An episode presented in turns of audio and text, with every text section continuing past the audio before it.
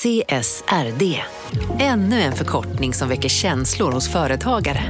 Men lugn, våra rådgivare här på PWC har koll på det som din verksamhet berörs av. Från hållbarhetslösningar och nya regelverk till affärsutveckling och ansvarsfulla AI-strategier. Välkommen till PWC. Välkommen till Unionen. Jo, jag undrar hur många semesterdagar jag har som projektanställd och vad gör jag om jag inte får något semestertillägg? Påverkar det inkomstförsäkringen? För jag har blivit varslad, till skillnad från min kollega som ofta kör härskarteknik på möten och dessutom har högre lön trots samma tjänst. Vad gör jag nu? Okej, vi tar det från början. Jobbigt på jobbet. Som medlem i Unionen kan du alltid prata med våra rådgivare. Upptäck hyllade XPeng G9 och P7 hos Bilia. Våra produktspecialister hjälper dig att hitta rätt modell för just dig. Boka din provkörning på bilia.se xpeng redan idag. Välkommen till Bilia, din specialist på XPeng. peng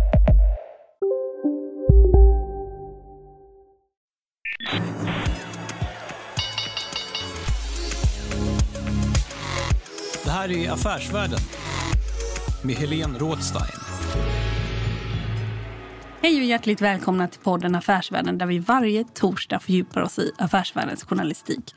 Jag heter Helene Rådstein och vi ska alldeles strax lyssna på en intervju med Jennica Jonsson som är vice vd för den stora nöjesjätten Stureplansgruppen. Vi gjorde den här intervjun lite före det blev såna tider, eller allt fler befinner sig i karantän. Det kanske du som lyssnar också gör. Och det som har hänt lokalt, globalt, liksom i samhället i stort och också i näringslivet det är att beslut som tidigare tog kanske veckor, år och månader att fatta går nu på timmar och dagar. Och detta ska då sådana stora nöjeskoncerner som Stureplansgruppen förhålla sig till. Sedan vi spelade in så har det ju faktiskt hänt en hel del. Inte minst förändrats radikalt sedan den 24 mars då Folkhälsomyndighetens nya föreskrifter kom som handlar om att gäster inte får dricka eller äta stående utan ska göra så vid sina bord. Detta gör det omöjligt för en sån stor koncern som Stureplansgruppen att bedriva någon som helst nattklubbsverksamhet med barservering och dans. Och eh, Jennica hon har meddelat här att eh, vi därmed är tvungna att stänga våra nattklubbar tills vidare. Och det är Spybar, det är Sturecompagniet bland annat, Hell's Kitchen, V, Nostalgica, Noi och Push. Och så skriver hon att detta förvärrar såklart situationen ytterligare för oss i branschen. Men vi kämpar för vår överlevnad. Och intervjun med Stureplansgruppens vice vd Jennica Jonsson, den kommer här. Välkommen hit. Tack så mycket.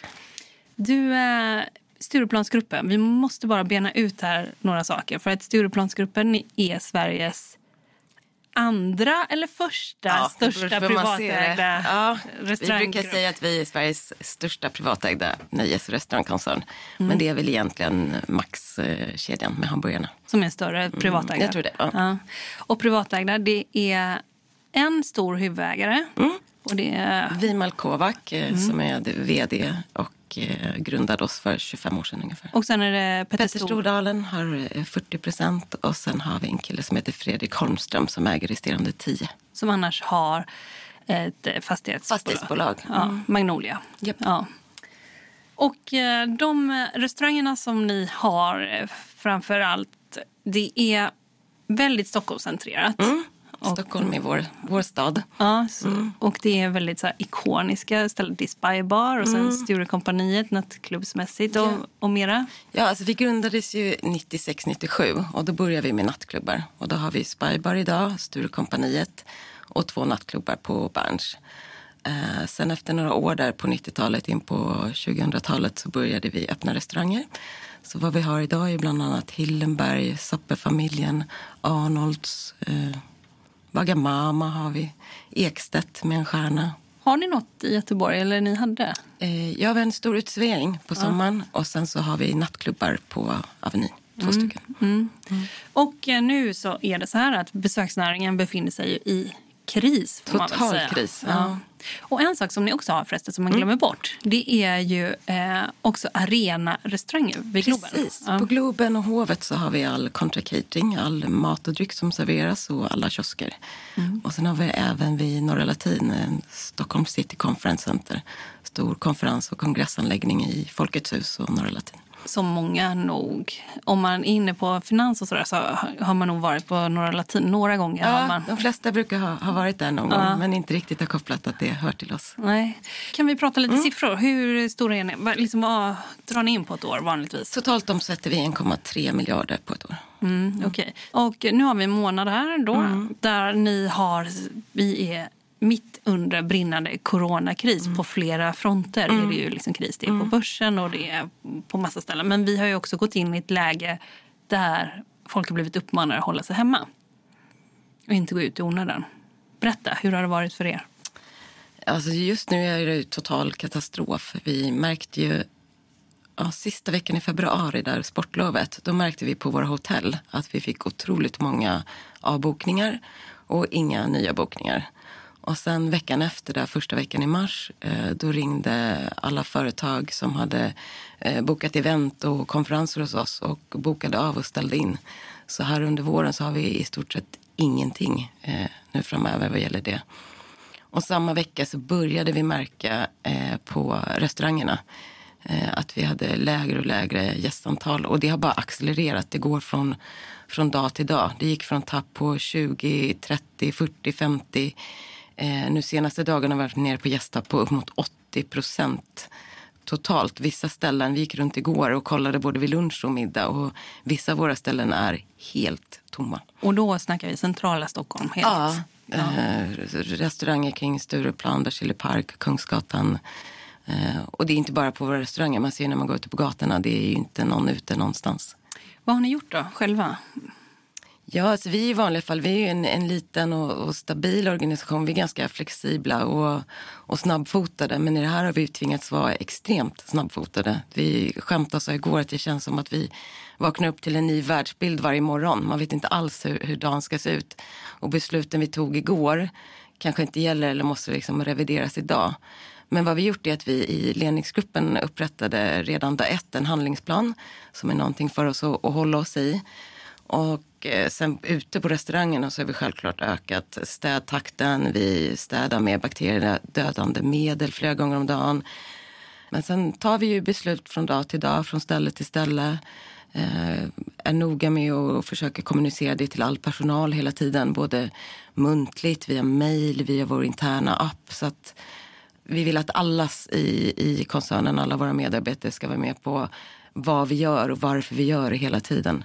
För jag kan tänka mig hos er då, ni har väldigt många medarbetare och alla jobbar inte heltid. Nej, vi har totalt eh, 3 000 anställda, varav hyfsat många är ju deltid. Mm. Hur, hur ser fördelningen ut där? Jag skulle säga att det är ungefär, eh, om man omvandlar det så ungefär 800 heltids, eh, så full, full year employees.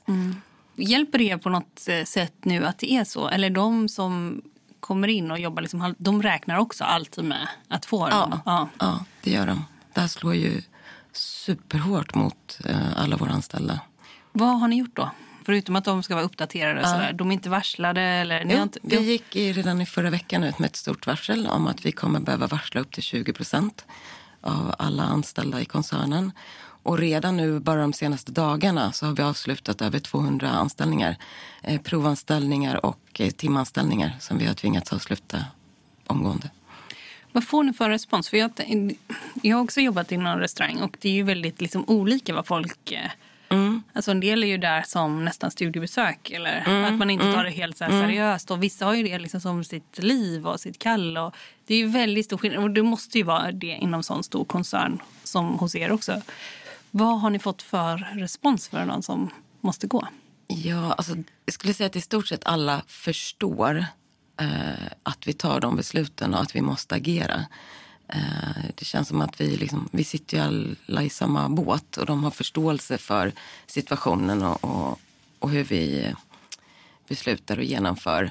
Men det gör ju inte att det blir lättare för den enskilda individen. Det är ju så otroligt många vars eh, privatekonomi och framtid och säkerhet eh, påverkas och blir jätteosäker.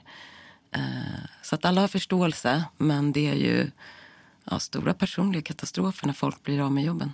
Vad har du tänkt om det så här, själv? Som, du, för du är ganska nytillträdd på din post. Du har varit... Ja, just den här tjänsten. Jag har jobbat på Stureplansgruppen i många, många år. Mm. Men just den här tjänsten som vice vd klev jag på första mars. Så mm. jag har varit på den nu i ja, vad blir det, 17 dagar. Och detta är typ det första du får göra? Ja. Och hur har det varit då för dig?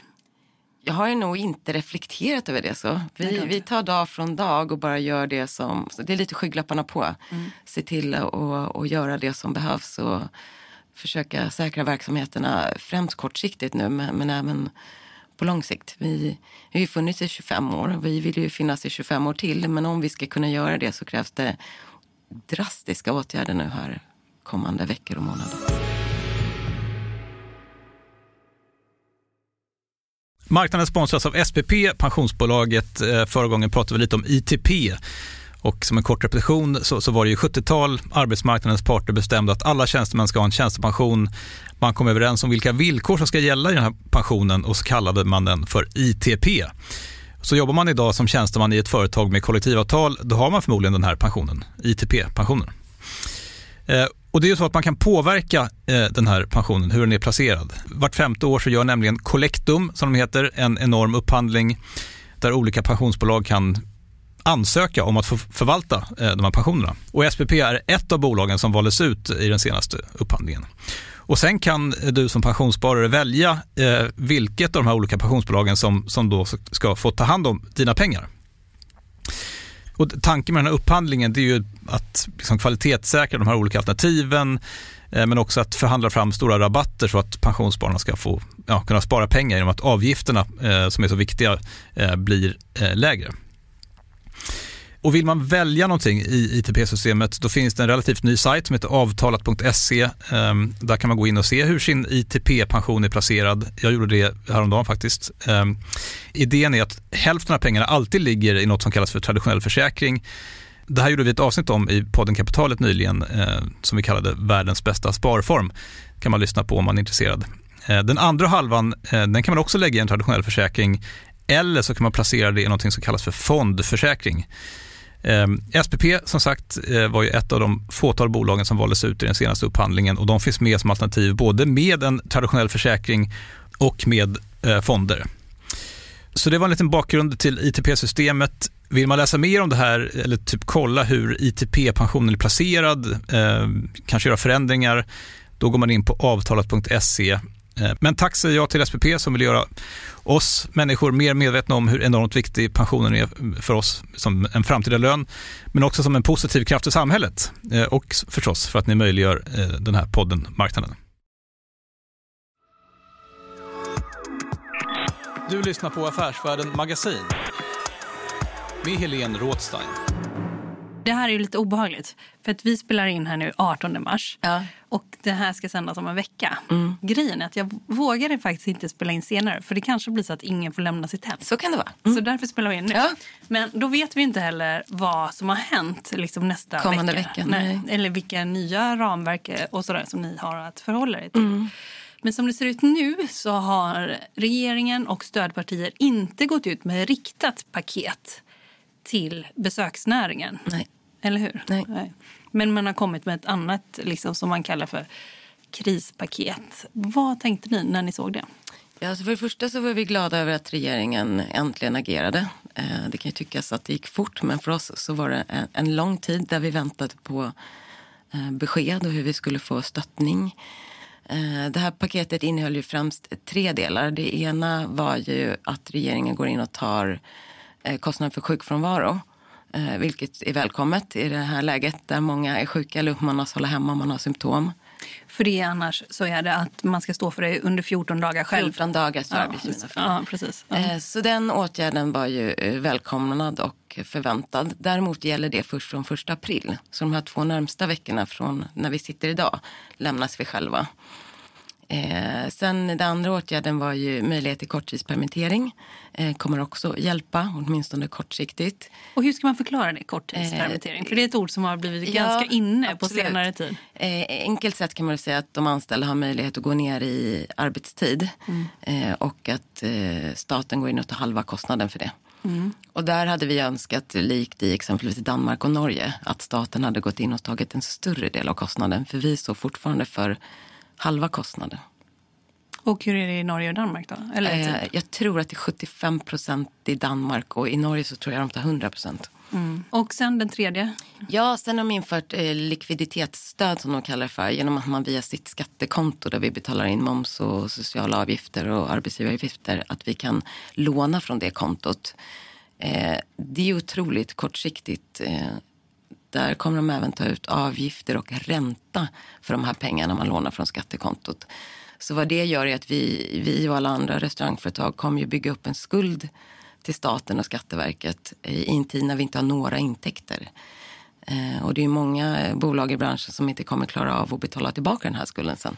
För, för man kan också liksom, lite kanske så här företagstekniskt förklara det här lite grann. Att när man som företagare betalar man ju in skatt i förväg. Vad, liksom baserat på vad man ska eh, Ja, och sälja sen för betalar man ju moms och arbetsgivaravgifter i efterhand på Ja. de lönerna. Ja. Och, Och det är den här, det, det är förskottsbetalningen som man kan få anstånd. Det är både och. Okej. Du kan få anstånd i totalt för tre månaders inbetalningar och så ska det återbetalas inom ett år. Eh, Men det är ju ren kortsiktig likvidåtgärd. Det hjälper ju inte med några kostnader eller hjälper våra resultat på, på längre sikt. Så egentligen är det en skuldfälla. Och när du säger att det är en skuldfälla, för hur, hur skulle det praktiskt kunna se ut för er då till exempel? Det skulle ju, ja, teoretiskt skulle kunna bli att vi nu under kommande månader inte behöver betala in de här avgifterna. Eh, Men det påverkar inte våra kostnader eller intäkter. Så sen under hösten när de här pengarna ska tillbaka, då har vi inget resultat att ta de pengarna ifrån. När, när du ser då som media har rapporterat, här kommer krispaket. För när man sitter på sådana här presskonferenser, så vi tar ju in så material från TT och lite andra nyhetsbyrån Direkt och Finwire och liksom olika nyhetsbyråer. Då basuneras det ut att här är ett krispaket. Men vad skulle du kalla det paketet egentligen? Ja, Jag skulle säga att det är en skuldfälla. Här kommer regeringens skuldfälla. Ja. Och ni gick ju ut i, själva i ett pressmeddelande och sa detta ungefär. Vad, vad har ni fått för respons på det? Väldigt bra respons. Ehm, de som inte är liksom akut drabbade eller påverkade som vi, de har väl läst att ah, här kommer regeringen, det kommer åtgärder och tycker att det känns bra. Men sen när de hör eh, från vår sida vad det de facto betyder eller inte betyder eh, så blir folk eh, besvikna. Och ja, vi är ju lurade. Och det är många som håller med om att det här är ju bara kortsiktigt. Det kommer inte alls hjälpa vår bransch eller andra småföretagare på, på längre sikt. Och om man då inte skulle säga att ni får låna pengar, skulle ni tänka att staten skulle liksom skänka de här pengarna? Eller vad, vad, vad, vad, skulle staten Ja, kunna ja, göra? Slopa arbetsgivaravgifterna under den här krisen så att vi inte får den kostnaden. Nu får vi låna de pengarna men vi, kommer inte, vi har inte råd med dem överhuvudtaget. Eh, och, och om vi ska kunna på sikt tillsammans säkra så många arbetstillfällen som möjligt eh, då måste det till kostnadslättnader för, för branschen. Det finns en annan sak som jag inte tycker att man har pratat så mycket om nu i media. Det är ju att vi har fått in en rad nya svenskar här i landet. Och man kan också säga att hela besöksnäringen och restaurangbranschen och hotell, men det ingår ju i besöksnäringen. De har ju också varit en, eller ni, liksom några som har kunnat ta sig an Absolut. de här liksom nya. Så det finns också de som är lite, har jag tänkt på, så sårbara på arbetsmarknaden som nu bara skjutsas tillbaka. Eller? Ja, det, självklart. Det är absolut det är så. Eh, hela besöksnäringen är ju ett stort insteg för många eh, till arbetslivet. Eh, många jobbar hos oss eh, som kanske inte skulle få jobb någon annanstans. Vi har en otroligt stor andel unga och anställda som inte är födda i Sverige. Och det är ju de som drabbas nu. Många andra branscher kommer folk sitta säkert eller klara sig längre. Men många i vår personal är sårbara och det är de som det här slår mot hårdast. Okej, ni vaknar upp och så är det, vi vet inte vad vi, va- vad vi vaknar upp till nästa dag. Men om du skulle säga då att eh, om du ska få föreställa dig hur Stureplansgruppen är liksom stora restaurang och nöjeskoncern. Mm. Eh, hur ni har det om en månad, eller hur ser det ut i juni? Vad tänker du då?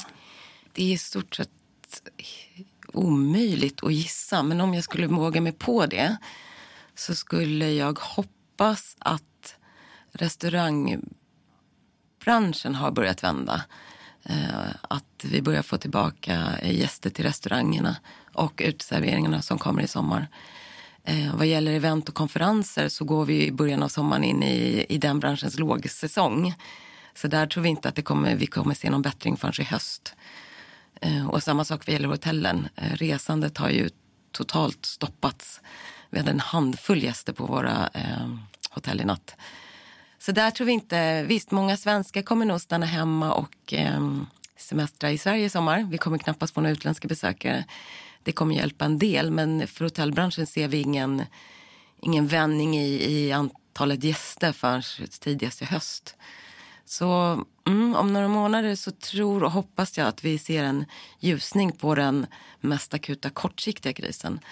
Sen har vi räknat och den förlusten vi kommer göra här kommande tre till sex månader. Hur, hur, hur stor är den? Det kan jag inte säga exakta, men 100 miljoner mm. ungefär. Det kommer ta oss upp till två år innan vi har tagit igen. Så vi kommer leva med resultat, även när den akuta krisen är över, så kommer vi leva med effekterna i upp till två, ja, troligtvis två år till. Som kommer påverka vår verksamhet eh, varenda månad och dag. Det finns ju ibland kan man tänka så här, jo, jo, men ni är så pass stora, ni klarar ju er. Eh, kan man ha mm. som förutfattad mm. mening. Mm. Men liksom de mindre krögarna, mm. de har ju liksom inte en chans. Mm. Och sen vet jag att när man pratar om så här krislägen, alltså om man ska, inga andra jämförelser i övrigt här, men om man pratar till exempel med Amnesty, de graderar ju aldrig någonting. Det här är värre än detta, det här är värre, utan varje sak som de liksom tar sig an är dålig. Mm. Alltså, och så ser man till varje grej. Mm. Man håller inte på att jämföra. Sådär. Och det kan vara lite sunt också att ha det så. Men eh, när du eh, tänker på, för du måste ju känna en rad krögare också i Stockholms innerstad. Hur liksom går snacket och hur är liksom tugget? Ni kommer, kommer ni klara er? Eller liksom, finns det, har, har, ni liksom skalfördelar där? Eller? Stor, alltså, stor, ja, alltså, stordriftsfördelar. Som större koncern så är det klart att vi har, har mer eh, muskler och resurser på alla sätt och vis än en eh, krögare som har en liten restaurang på hörnan. Där har vi absolut fördelar. Eh, sen hur, hur snacket går på stan, det är... Jag tror hela branschen befinner sig i någon slags chock. Mm. Eh, vi såg inte det här komma med sån kraft och inte att det skulle gå så otroligt eh, fort. Vad kan man då göra? Det har kommit ut så här hashtag stötta din lokala mm. krog, stötta din lokala krögare.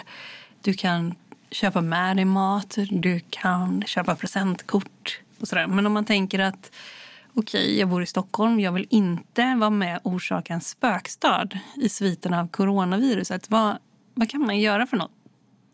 Ja, alltså Stockholm är i vanliga fall en otroligt levande krogstad och vi har ju många, många restauranger med otroligt hög eh, nivå.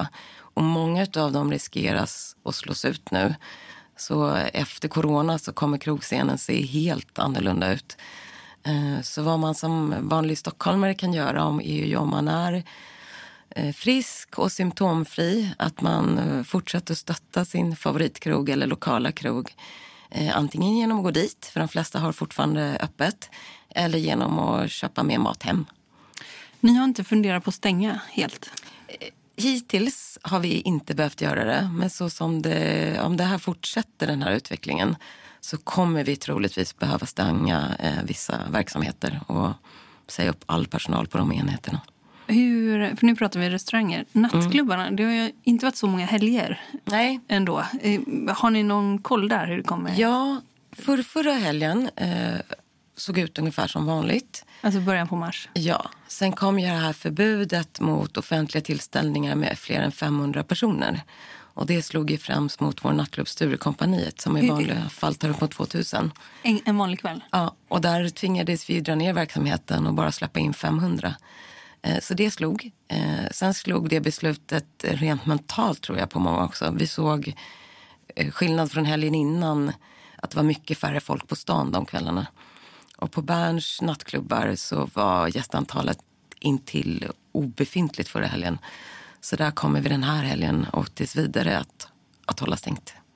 Men en sak tycker jag är också lite som man kanske borde vara lite tudelad inför och det är att ja, är man frisk och så så kan man komma till ställen men det blir också liksom lite ja, kom det blir också lite så knasigt att uppmana folk till att komma till ställen där det är en massa mm. människor. Alltså, hur, hur, hur, hur tänker du med det? Jag förstår det motsägelsefulla i det men i dagsläget så handlar det om en hel bransch överlevnad. Mm. Mm. Och förutom då som du sa, man kan komma dit, kan man göra mm. på något annat sätt? Har ni något så här, ja, kan man göra något annat? Mm, det är många restauranger som säljer, både vi och andra som säljer eh, presentkort. Mm. kan man ju stötta med att köpa nu och sen eh, använda det vid ett senare tillfälle när man eventuellt känner sig mer trygg med att gå ut på restaurang eller, eller bo över på ett hotell. Du lyssnar på Affärsvärlden med Helene Rothstein. Eh, marknaden sponsras av Karla. Eh, vi pratar ju en hel del om bilar här på kontoret. Eh, karla har ju skapat, skulle jag säga, det som är standarden för hur man idag köper och säljer bilar på nätet. kort bakgrund bara. Karla säljer och leasar begagnade elbilar och laddhybrider på karla.se. Alltså en helt digital upplevelse. Och man har gjort det här med ett nästan maniskt fokus på vad en bilköpare faktiskt behöver. Jag gjorde ju en intervju med en av grundarna, Patrik Illerstig, i marknaden här eh, ganska nyligen, eh, daterad 25 mars, om man vill lyssna på den. Eh, men där berättar han hur de kom in i det här lite från vänster för att försöka uppfinna hela den här liksom bilköpupplevelsen från början. Och de har idag, vilket är rätt otroligt, 4,8 i betyg eh, på Trustpilot. Jag, jag har sett många företagssidor på Trustpilot, men det här är nog bland eh, det bästa jag någonsin sett eh, faktiskt. Man kan sälja bilen till Karla också. Eh, då går man in på karla.se, delar lite info om bilen, sen får man en gratis värdering och ett bud. De hämtar bilen helt gratis i hela Sverige och så har man pengarna på kontot i samma stund som de hämtar bilen. Det är grymt. Eh, så ska du köpa en ny bil eller sälja din gamla, eller båda delar för den delen, gå in på karla.se och eh, kolla. Alltså karla.se och Karla stavas med C. Tack så mycket till Karla.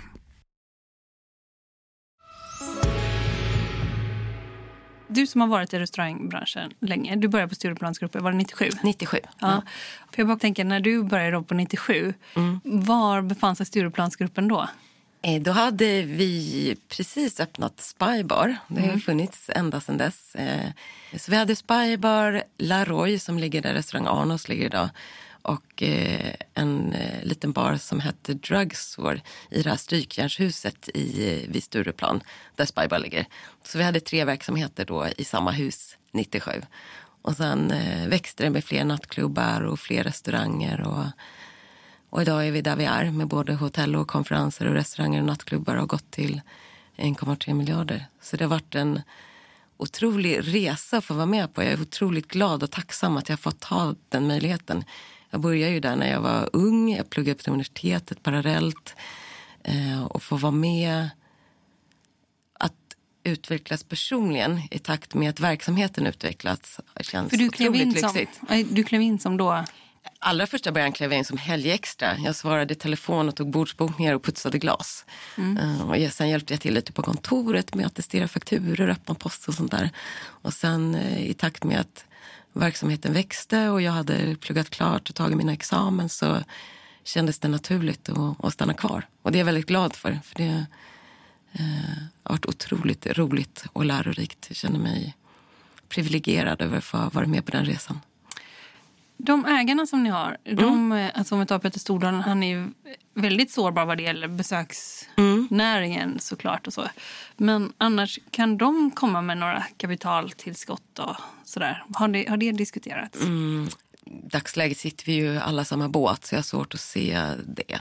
Ja. Utan att, jag är inte inblandad i detalj i de diskussionerna så jag kan inte uttala mig. Har ni, har ni diskuterat med hyresvärdar? För ni diskussioner där? Eh, Ja, vi får diskussioner med hyresvärdar, banken, leverantörer. eh, Men alla i samhället har ju påverkats av det här. Även eh, våra fastighetsägare och bankerna och våra leverantörer. Så jag upplever att vi har en god dialog och att vi alla verkligen gör vad vi kan för att hjälpa varandra. Sen är inte möjligheten alltid så stora som vi hade önskat. För alla har problem. liksom. Alla har problem. Så det är inte sådär bara, kan vi betala med det här sen? Eller? Mm. För, för med bankerna, vad är det ni diskuterar då till exempel nu? Eh, där diskuterar ja, kortsiktiga lån, ökade checkkrediter. eh, Mm. Rena finansieringslikviditetsåtgärder. Kommer ni använda er av det här som eh, regeringen kom med i krispaketet? Vi- Vilka av de tre delarna? Alla tre. Alla tre kommer Absolut. ni. Och ni kommer också använda det som du Vi sa. vi är tvungna. Ja, För det som du sa, så här, skuldfälla, det kommer ni också använda er av. Ja, som, det, det är ju en skuldfälla. Eh, men eh, För- för- vi kommer inte klara oss utan den.